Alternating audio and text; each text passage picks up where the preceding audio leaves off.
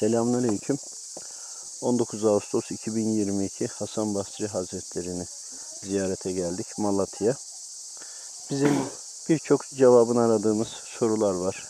Öğrenmeye çalıştığımız konular var. Tabii ki bunlar Allah dostlarına malum olur. Onlar da bizim aradığımız cevaplarla ilgili zaman zaman bilgilendirirler. Onlardan bir tanesi de nefisle ilgiliydi. Ki daha önce bununla ilgili bilgilendirilmişti zaman zaman. Hasan Basri Hazretleri'nin söylediğinden anlayabildiğimi aktarıyorum. Allahu alem doğrusunu Rabbim bilir. Nefsle ilgili bahsetti. Nefis ruhtan ayrıdır.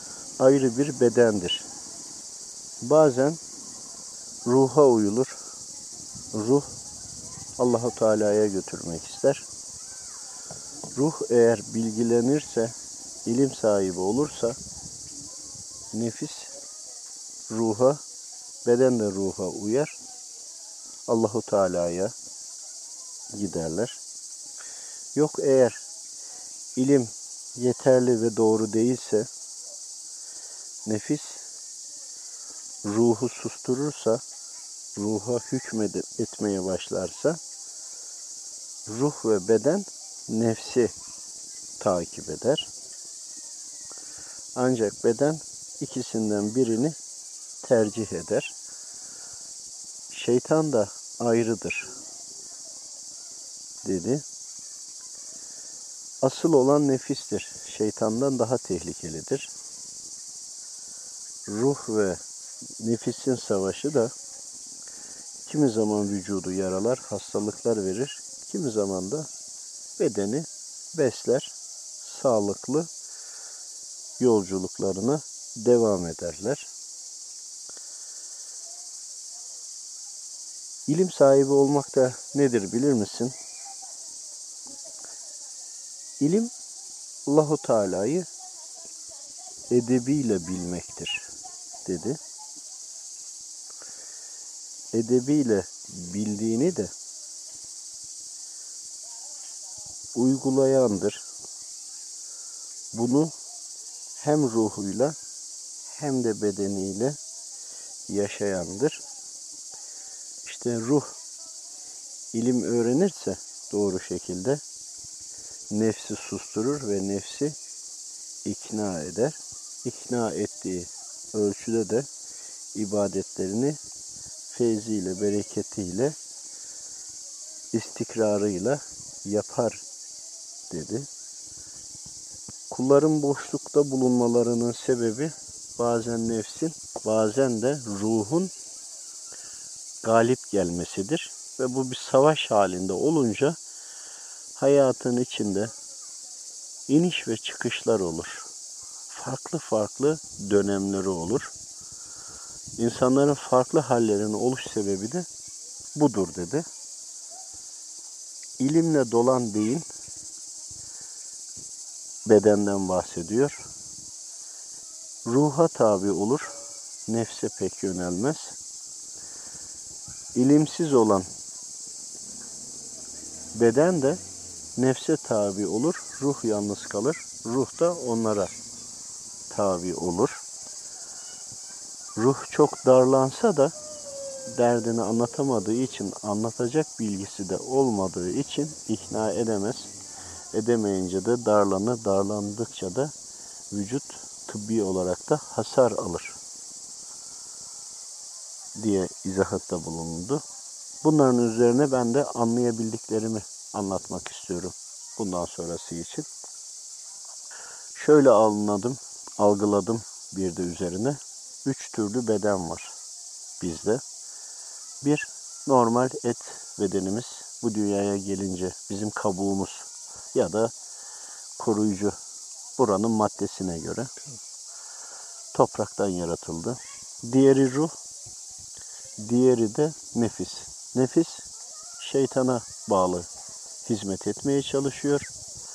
Ruh da Allahu Teala'ya bağlı hizmet etmeye çalışıyor.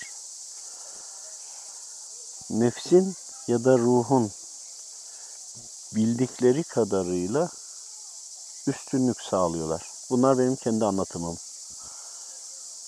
Biz eğer istişarelerde, sohbetlerde veyahut da e, araştırmalarda bulunursak ve bulduğumuz araştırmaları doğru anlayıp, doğru uygulayıp, doğru yaşayıp, doğru da aksettirip anlatabilirsek,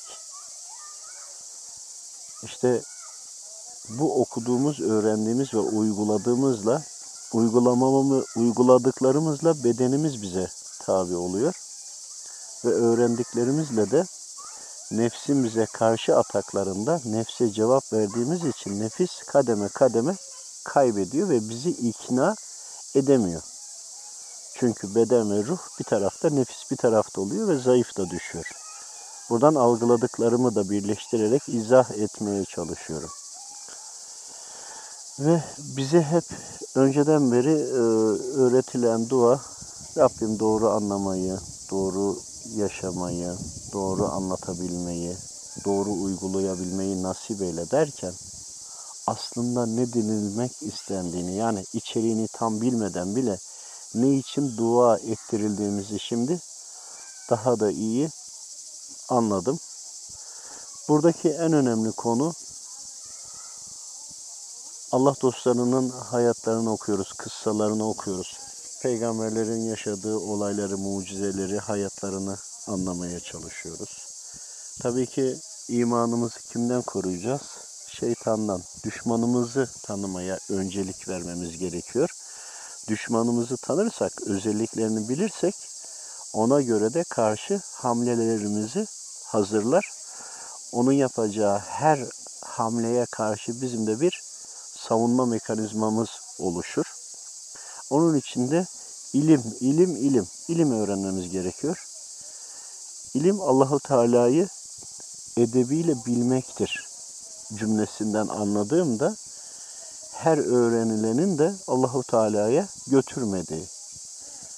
Buradan farzlar ve sünnetlere çok dikkat etmemiz gerektiği, söylenilmek istenildiği gibi anlamamız gerektiği ve anladıklarını insanlar ben buradan bunu çıkardım, ben bunu anladım değil de mezhep imamlarımızın, Efendimiz Aleyhisselam'ın, halifelerin anlattıkları, uyguladıkları, özellikle Efendimiz Aleyhisselam'ın sünneti uygulayış şeklinin bize farzları daha iyi anlamamızı, farz değil ama hayatın içindeki yaşayışımız, toplumsal, ahlaki yaşantılarımızı da daha iyi değerlendirmemize sebep de olduğu için edebiyle Allahu Teala'yı bilmeknin altında bunun olduğunu biz düşünüyoruz. Bu düşüncemizi ayet ve hadislerle anlamaya çalışıyoruz. Hani doğru anlamak, söylenilmek istenildiği gibi anlamak çok önemli. İşte tam burada Rabbim korusun bizleri muhafaza eylesin. Hata yapabiliriz. Nefsimiz aynı cümleyi yani bir hadisi şerifi nefsimiz kendine göre çevirtirse Allah korusun bu sefer biz e, Allahu Teala'nın emrine uyuyoruz derken yanlış yapabiliriz ve nefsimiz bizi ikna etmiştir bedenimizi. Ruhumuz da ona uyduğu için ruhumuz bu defa hastalanır. İşte tüm bu konuları anlattıklarımızı, buradan anlayabildiklerimizi de Allah rızası için size doğru anlatmaya çalışıyoruz. Peki orada doğru e, anlatmak, aktarmak cümlesinin içeriği nedir derseniz, insan öğrenip uygular, uyguladıktan sonra da anlatma ihtiyacı hisseder. İnsan öğrendikçe bir taraftan da anlatarak bunu aktaracak ki hem sadaka-i cari olacak, üstüne üstlük anlattığını uygulayıp ve aktardıktan sonra şunu da anladık ki Rabbim daha da derinlemesine anla, e, anlamamızı nasip ediyor. Öğrendiklerimizi anlatmazsak eğer, tabii önce anlatmak için yaşayıp uygulamak gerekiyor, sonra etkili olur.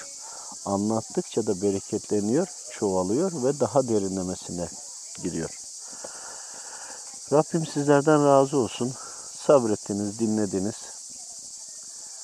Allah rızası için doğru anlamayı, doğru uy- uygulamayı, Rabbimin emirlerini, doğru yaşamayı ve doğru aksettirmeyi, yansıtmayı cümlemize nasip eylesin. Allah rızası için El Fatiha.